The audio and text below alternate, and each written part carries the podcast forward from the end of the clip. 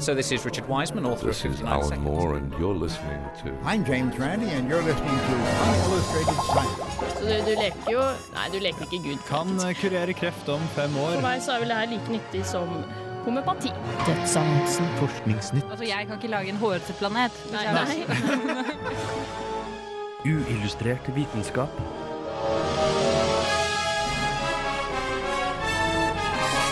Science, it works, bitches. I ditt favorittpopulærvitenskapelige radiomagasin får du i dag bl.a. svaret på hvorfor McDonald's-mat smaker så godt selv om det er usunt.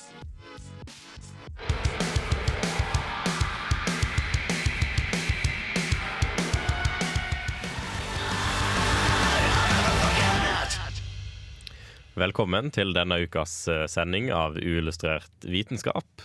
En tredel av besetningen vår, nemlig Ole Eivind, er fortsatt borte. Han er i mulighetenes land, USA. Men uh, vi skal nok klare oss for det. Så her i studio i dag så er eh, Rune, det er meg.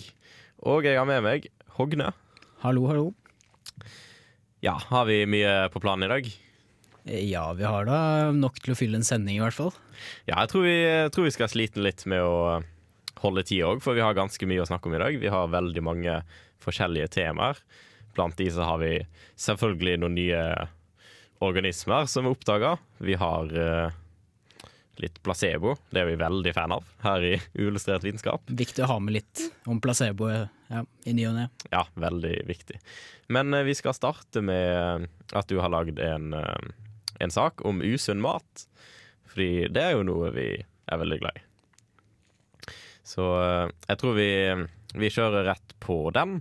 Men eh, før det så skal vi selvfølgelig høre litt uh, musikk. Det her er Dandy Distorted med The Dancing Show.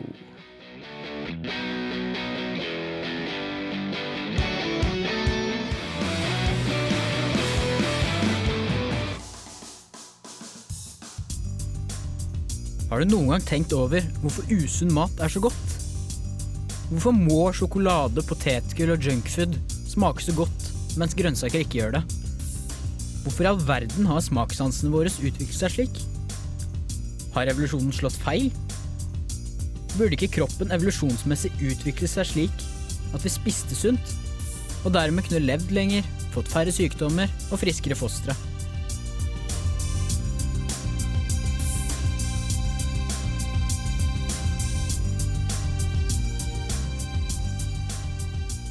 Det enkle svaret er at det vi kaller usunn mat, egentlig ikke er usunn. Salt, sukker og fett er de tre store synderne når det gjelder mat vi får i oss. Men alle disse tre stoffene er livsviktige å få i seg. Man må bare passe på å ikke få i seg for mye. Dette gjelder for nesten alt det vi får i oss. Vann, eksempel, er dødelig både om man får i seg for mye eller for lite.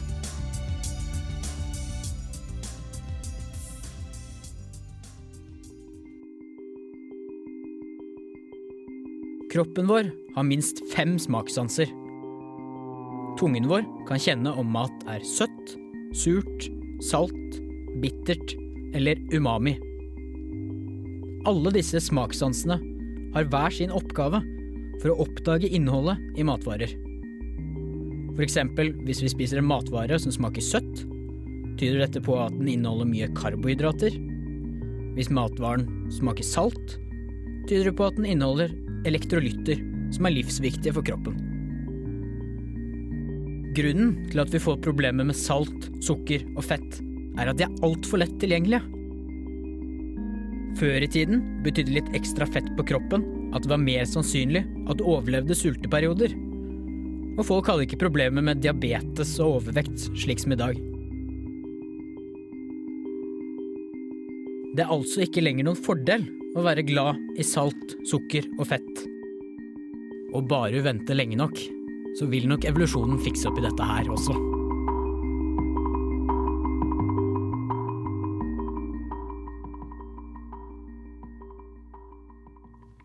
det var en rask innføring i søppelmat, og hvorfor det faktisk er godt, selv om det ikke er godt for oss. Uh, har du noe, noe du har lyst til å fylle på med her?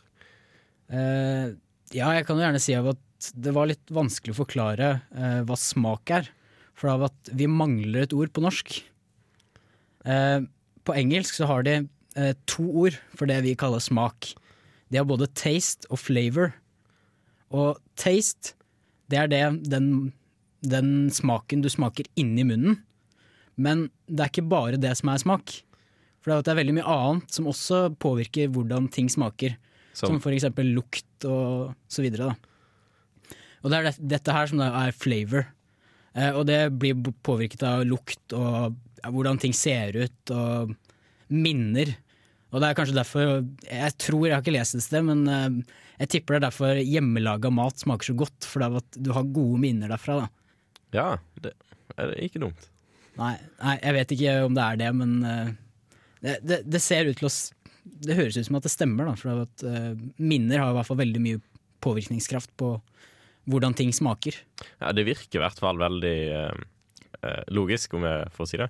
Mm. Men uh, jeg lurte på en ting i saken din, fordi du sier vi har fem smakssanser. Ja, Der- minst. Min, minst fem! Ok, Da begynner jeg med spør det første spørsmålet. Eller, det er sikkert Jeg vet jo svaret, da, men det er sikkert noen der ute som lurer på hva umami er for noe. Ja. Eh, umami det er en smakssans som vi ikke har hatt, eller ikke har vært kjent så lenge. Det har bare vært- kjent i 100 år. Uh, litt over 100 år. Uh, og ja, sånn, ja, sånn eh, vanskelig forklart så er det det som detekterer eh, glutamat og nekleotider i mat. Som er Nei, det, det er i hvert fall eh, Det er en smak da som jeg vet ikke Jeg vet faktisk ikke helt hvordan det smaker, men det er i hvert fall en smak du har veldig mye av i proteinrike proteinrik mat. da Som kjøtt og fisk og så videre. da Ja. Så det er liksom kjøtt og soya og fisk og tomat og sånn. Ja. er typiske Det er veldig typisk eh, umami, men jeg vet ikke helt hvilken smak som faktisk eh, det, er, det er den kjøttlignende smaken, men det er litt sånn vanskelig. Jeg vet ikke helt hvordan umami smaker. Det er mye lettere å beskrive de andre smakene, da. ja, Det er sikkert òg derfor den ikke har vært kjent så lenge. Ja. Fordi det er Eh, vanskelig å oppdage. ja. Men uh, minst fem smaker. Ja. Hva med resten? Som kanskje Eh, finnes. Nei, det, det tror det finnes det, det de tror det finnes en sjette smakssans, som de tror ja, I hvert fall en sjette. Det, det er mange som mener av at det er litt forskjellig Det også, det er et definisjonsspørsmål også i tillegg, da. Men de mener av at, vi kan, av at tungen vår kan smake fett, og at det er da en hel smakssans. Men det, det er litt sånn debattert innenfor uh, ja, blant viten, vitenskapsfolk. Da, så det, det er ingen som vet helt sikkert Eller ingen som kan si helt sikkert at det er en smakssans. Da. Men hvorfor er det vanskelig å på en måte måle om vi har en ekstra smakssans? De, de må på en måte eh, konsentrere smaken. Da. Det var i hvert fall det de gjorde med umami. var at De lagde konsentrert umami, og så testet de, det, testet de det ett sted på tunga, og fant ut av at dette stedet det, dette, opp, dette stedet oppdager kun den smaken. Så du må på en måte finne et sted på tunga som bare eh, kjenner den smaken, og at det ikke er da en blanding. Du, jo, du har jo veldig mange forskjellige smaker, men det er jo fordi at det er en blanding av noe Det er litt søtt og litt surt og litt eh, salt, og så får du liksom en blanding av mange smaker. Og da er det vanskelig å si om er dette her en ny smak, eller er det bare en blanding av alle de smakssansene vi all allerede har. Det hadde jo i hvert fall sånn Hvis vi sier sånn evolusjonsoverlevelsesmessig, så hadde jo fett smak vært veldig lurt. Ja. Fordi det er godt, fint å spise. Ja, og det er derfor sikkert mange liker fett også, da, for at, eh, før i tiden så var det veldig viktig å spise litt ekstra. For du hadde gjerne noen måltider, og eh, ganske få måltider. Da. Det er liksom når du får slakta et dyr, så gjelder det å spise, spise seg mer enn mett. Ja. For av at eh, da kan du liksom ha litt fett på kroppen som du kan lagre til sulteperioder. Eh, og det er ikke så viktig nå lenger, da. Ja, for nå er det jo sånn at vi De tingene som er godt fordi det var sunt, eller var viktig, er jo ikke sunt sånn som vi har det nå. Nei. Eh, Så hvis vi sier vi har, vi har hverdagen akkurat sånn som det her, i et par tusen, ti tusen år, hadde da smakssansene våre forandret seg? Ja, jeg vil tippe det. For det er noen vil jo Nå har vi ikke et like mye utvelg, eh, sånn overlevelsessamfunn lenger, da, som vi hadde før, så jeg vet ikke hvordan evolusjonen går framover. Om den går like mye framover nå som, den gjorde den før. Men det er jo noen selvfølgelig som vil dø fordi av at de får i seg for mye sukker, eller får i seg for mye salt, eller noe sånt. Eh, og du får også dårligere fostre, som gjør da av at det er mindre sannsynlig at de overlever, osv. Så, videre. eh, så det blir på en måte en litt utvelgelse, og da er det de som, de som liker best grønnsaker og sunne ting, de vil overleve. Ja. I litt høyere grad, i hvert fall. da. Ja, det, det er jo sånn det fungerer. Ja. Men uh, vi har eh, et skjema vi skal følge. Så neste punkt på, på programmet Det er en jeg vet ikke om vi vil kalle det en glad nyhet. Jeg. Det er en sånn litt sånn humoristisk nyhet som ikke er så helt glad. Uh, det er uh, eh, om placebo. Eh, noen som har forska på eh, Ikke på placebo i seg sjøl, men eh, leger som bruker det bevisst. Ja. Det skal vi få høre etterpå, om eh, etter at vi har hørt Vågsbygd Handy med Bandolero.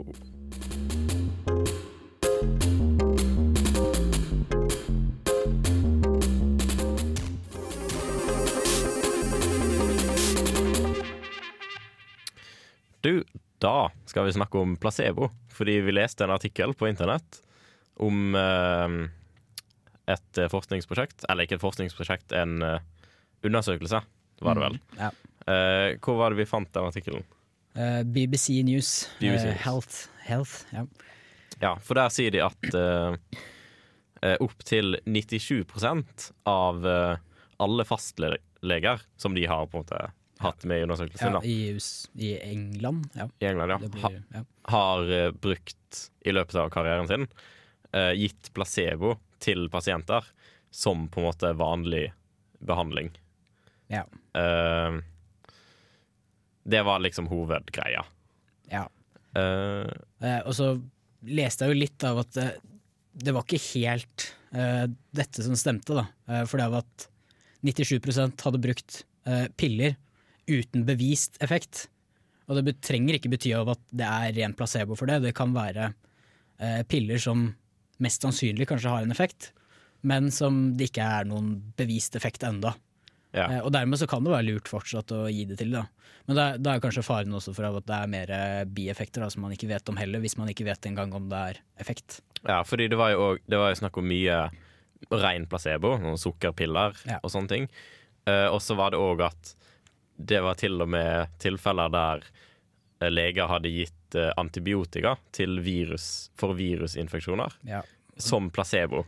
ja. Eh, og det er jo litt teit. ja det, det er litt dumt. Det, det funker jo eh, bra som placebo, men det ødelegger litt av dette her systemet. For det har vært antibiotika, eh, eller bakterier som antibiotika skal brukes på, eh, har, kan bli resistante mot ja, antibiotika hvis det brukes for mye.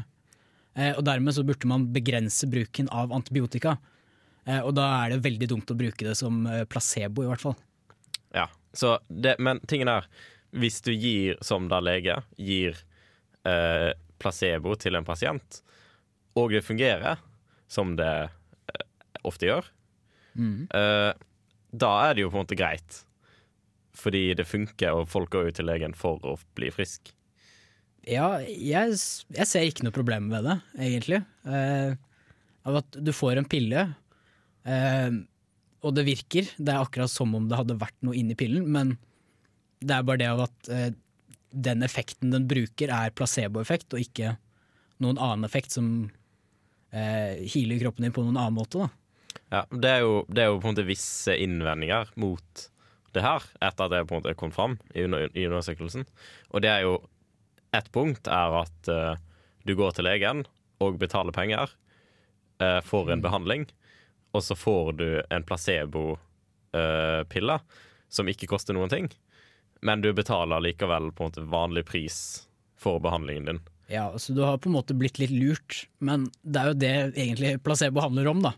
Av at Hvis de hadde fortalt deg av at eh, her er en pille, den virker ikke, men eh, vi bare gir den til deg likevel, så hadde plutselig ikke placebo virket likevel. Du må på en måte ja, Det er der problemet er, da, for du må på en måte ljuge og si av at her er en pille som fungerer, eh, og så skal den egentlig ikke fungere, men så fungerer likevel pga. placeboeffekten. Eh, men da har, da har i hvert fall doktoren på en måte eh, ljugd til deg, da. Ja, for det er jo et annet problem. At uh, mange føler jo de har et sånt et uh, Et sånt tillits... Ja. eh, ja, sånn tillit eh, mellom doktor og pasient. Da. Og at eh, ja, doktoren eh, skal jo prøve å forklare mest mulig og liksom fortelle sann sannheten, da, og ikke, eh, ja, ikke ljuge for deg. Da. Ja, for det er jo litt kjipt hvis doktoren din lyver til deg. Da er det jo mange som blir litt snurt. Det som er fint, er jo at jeg ikke får vite om det. Ja. Men ja. Det, det, var jo selvfølgelig et kommentarfelt på denne artikkelen her. Og der sto det jo litt Det var mye skepsis, men det var òg litt morsomt. Nei, det var litt kult, for at det sto jo av at 97% av doktorer én gang i løpet av karrieren deres hadde brukt eh, piller uten bevist effekt. Eh, men så påpekte han da av at eh, 100% av homopater gjør jo dette her flere ganger om dagen, så det kan ikke være så ille det doktorer holder på med. Mer eller mindre bevisst, ja. Ja. ja. Men eh, ja, det var det. BBC News Health, hvis du vil lese artikkelen sjøl. Vi må rase videre, fordi vi har en forskningsnytt å ta oss av. Og det får du høre etter Talib Kweli med The Traveler.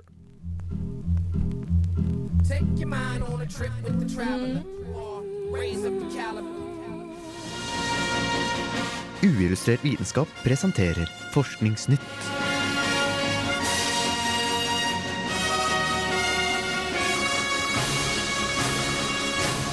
Forskningsnytt. Å utvinne hydrogengass er ofte en energikrevende prosess. Et amerikansk forskningsteam har brukt de siste sju årene på å utvikle en ny metode for å hente hydrogen fra plantemateriale. Ved hjelp av en spesiell enzymsuppe lager de hydrogen fra sukkeret xylose, som er vanlig i de fleste planter. Metoden er mye mer effektiv enn konvensjonelle utvinningsmetoder, og man håper å ha den kommersialisert innen tre år.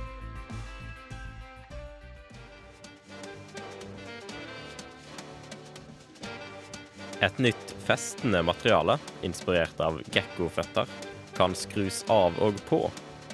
Firfisleteknologi har lenge vært lovende innen heftende overflater, og dette er et godt gjennombrudd.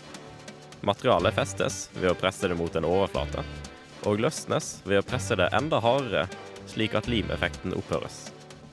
I likhet med sin naturlige forgjenger er overflaten av materialet dekket av små fibre. Teamet bak forskningen sier at de viktige parametrene for klebelighet er fiberretning, form og størrelse.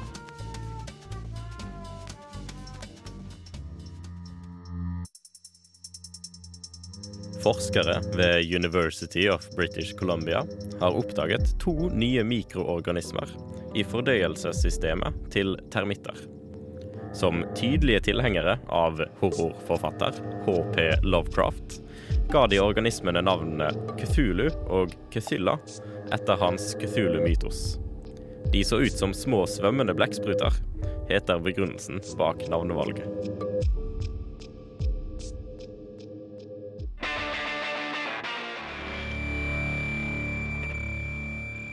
Science isn't about why, it's about why not. Why is so much of our science dangerous? Why not marry safe science if you love it so much?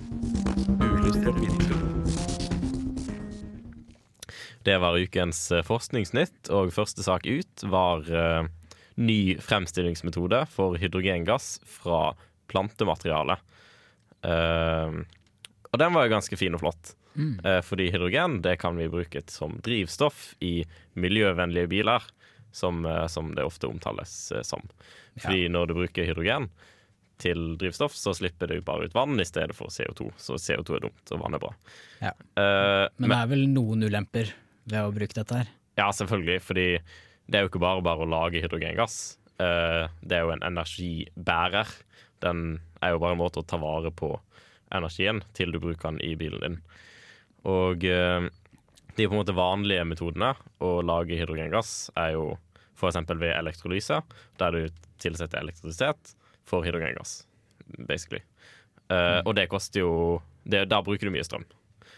Eh, og det jo, koster jo energi, som vi sier. Og det må jo komme fra en plass, den òg.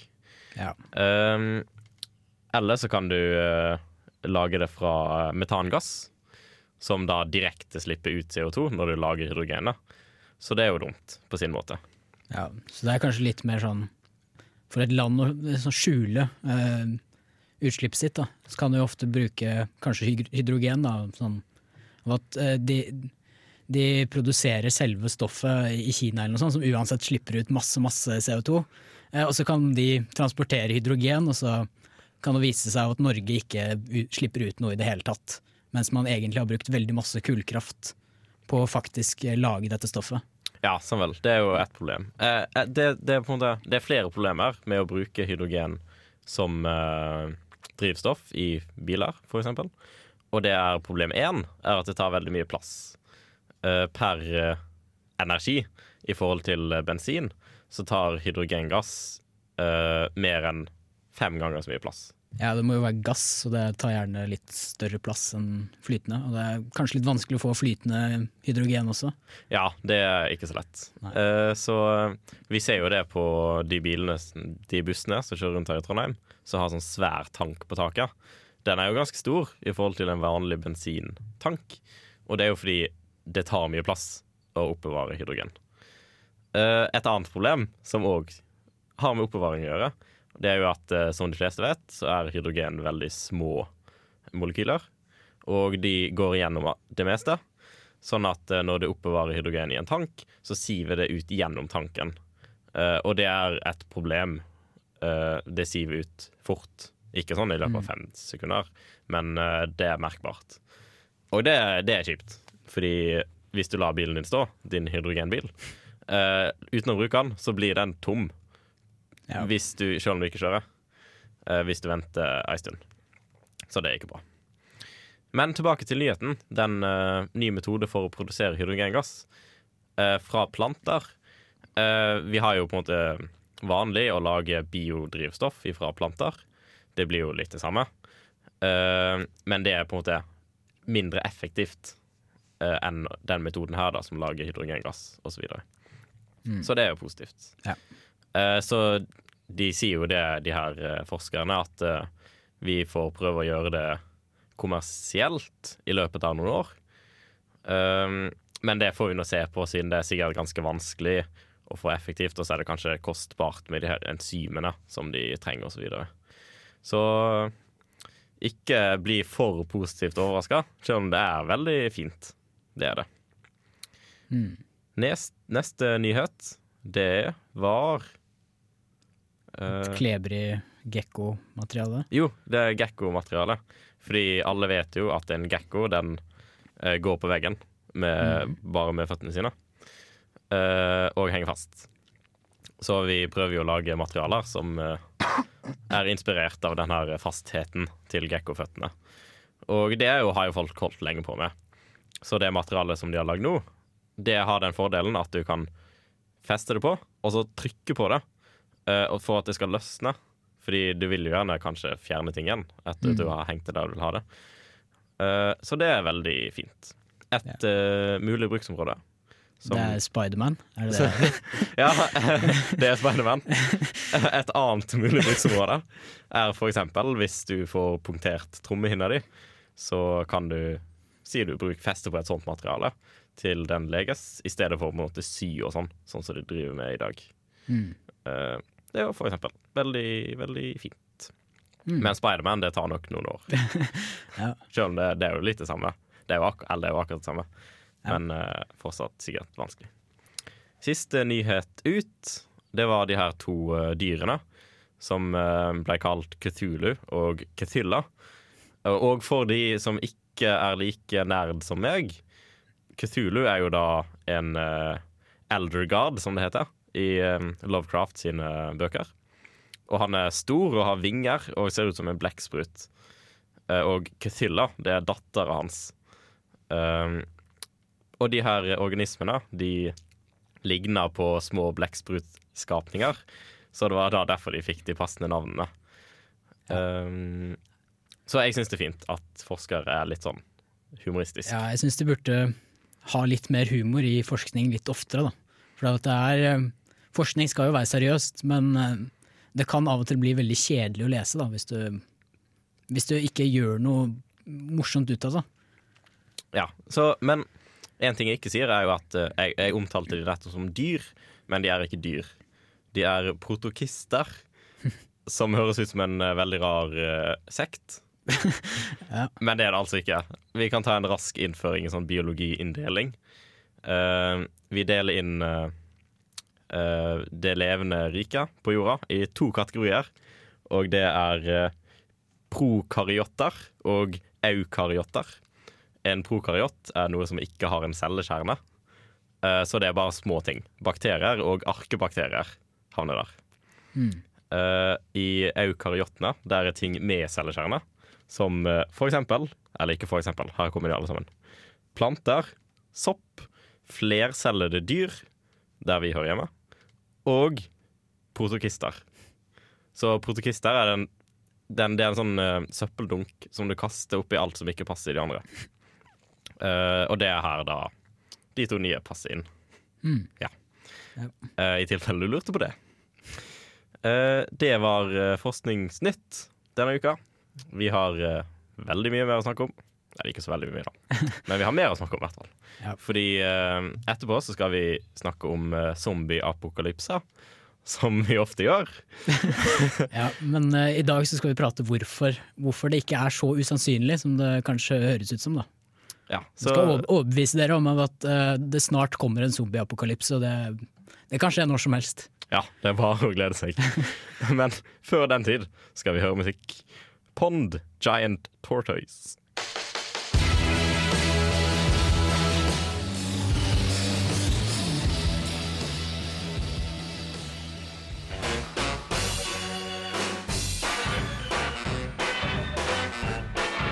Hei, eh, jeg heter Petter Skjerven, og jeg lytter til Illustrert vitenskap på Radio Revolt så ofte jeg bare kan. Uillustrert. Veldig bra. Hei, jeg heter Petter Skjerven, og jeg lytter til Uillustrert vitenskap på Radio Revolt så ofte jeg bare kan.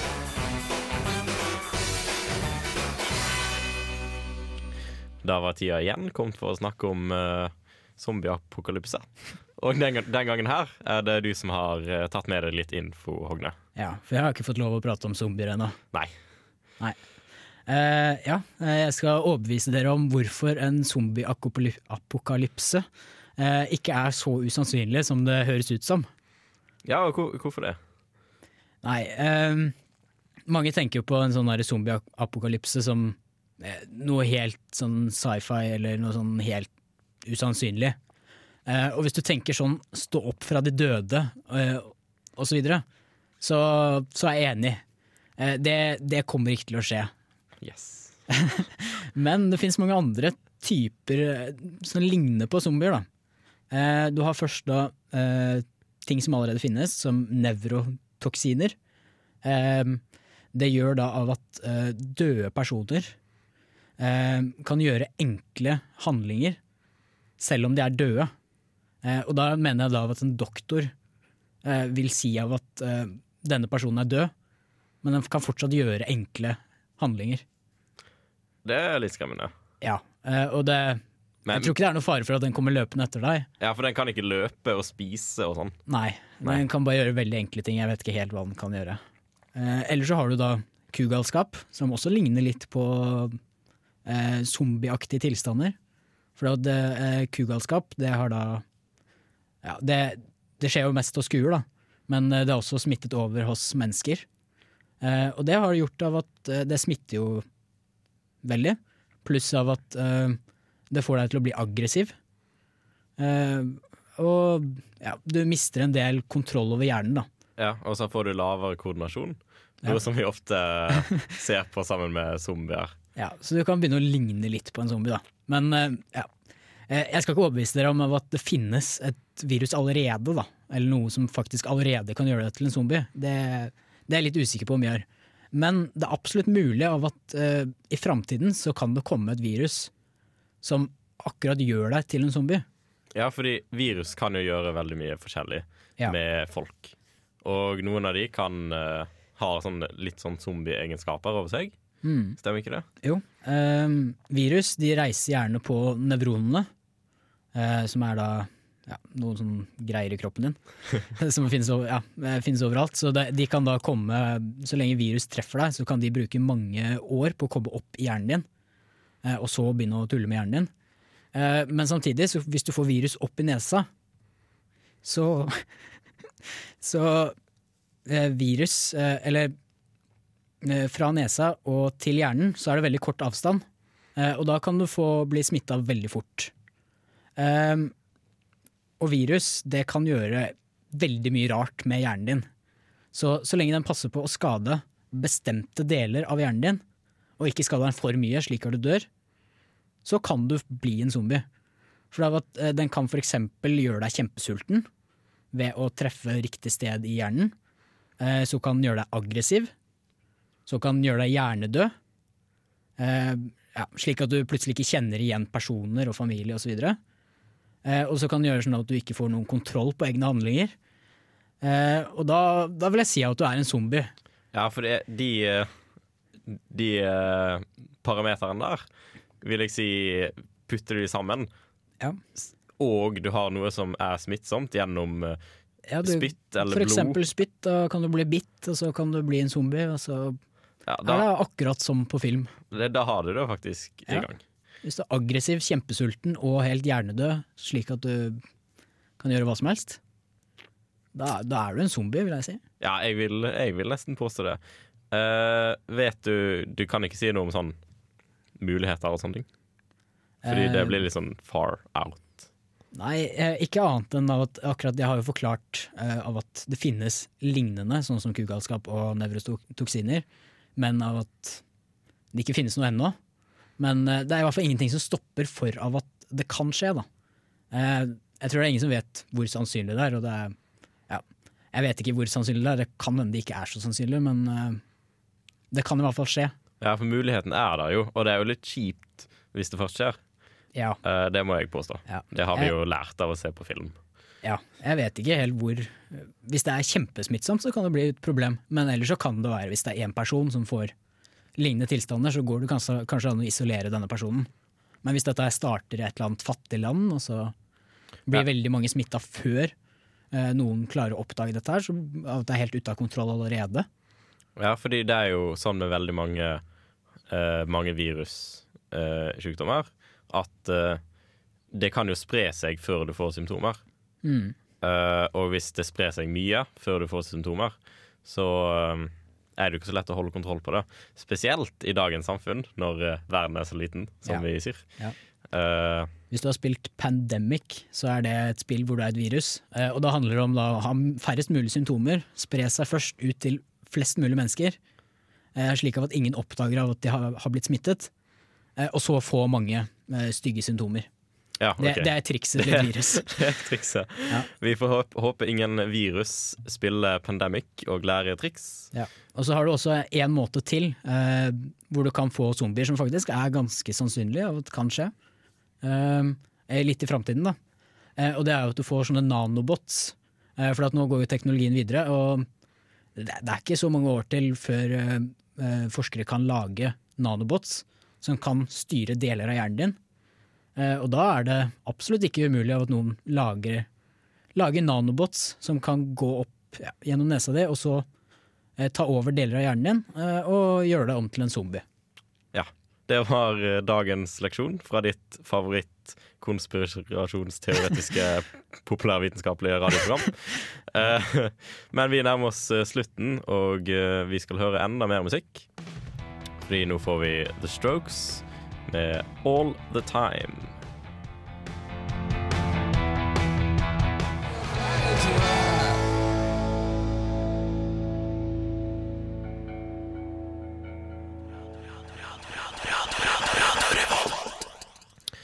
Som vanlig når klokka begynner å nærme seg eh, sju, så begynner vi å gå tom for tid. Og eh, da må vi jo si de vanlige tingene, som er at eh, du kan høre oss på podkast på iTunes. Der heter vi jo Illustrert vitenskap. Eh, du kan høre oss på dusken.no, som er den nye nettsida til eh, studentmediene i Trondheim. Eh, der legger vi ut eh, alle sendingene våre. Hvis du vil høre de med musikk. Hva mer var det jeg måtte si? Mm, Nei, kanskje noe om Facebook-gruppe. Ja, vi har en Facebook-gruppe, og det hender vi poster ting der. Ja, det, det skjer ikke så ofte, men uh... Ja, altså Hvis du er veldig uh, Veldig glad i oss, så kan du like oss på Facebook. nei, det skader ikke. For at du får ikke noe masse spam, i hvert fall. Ja, det er veldig positivt. Du blir ikke spamma ned. Nei. Nei. Det skjer ting der av og til, Ja. så uh, den er ganske fin. Mm. Litt fin, i hvert fall. Jeg skulle si mer. Jeg skulle si mer. Skulle prate om bok. Ja, en bok. En anbefaling. Jeg leste en bok i påsken som heter 'En kort historie om nesten alt' av Bill Bryson. Det er eh, en veldig god å lesebok. Den er ikke tung. Og den tar for seg vitenskapshistorie fram til i dag, fra sånn 1600-tallet. Eh, den vil jeg anbefale veldig. Det er sikkert eh, mange som har hørt den før. Eller kanskje lest den til og med. Eh, jeg syns den var veldig god, og jeg lærte mye av den. Så det er ikke en X-Fill-bok, selv om den tar for seg litt av det samme. Uh, så anbefales virkelig. Du må høre på oss neste uke, Fordi da har vi sending som vanlig klokka seks på Ja. torsdag. Ja. Det var det. det jeg, tror, jeg tror det var alt jeg skulle si.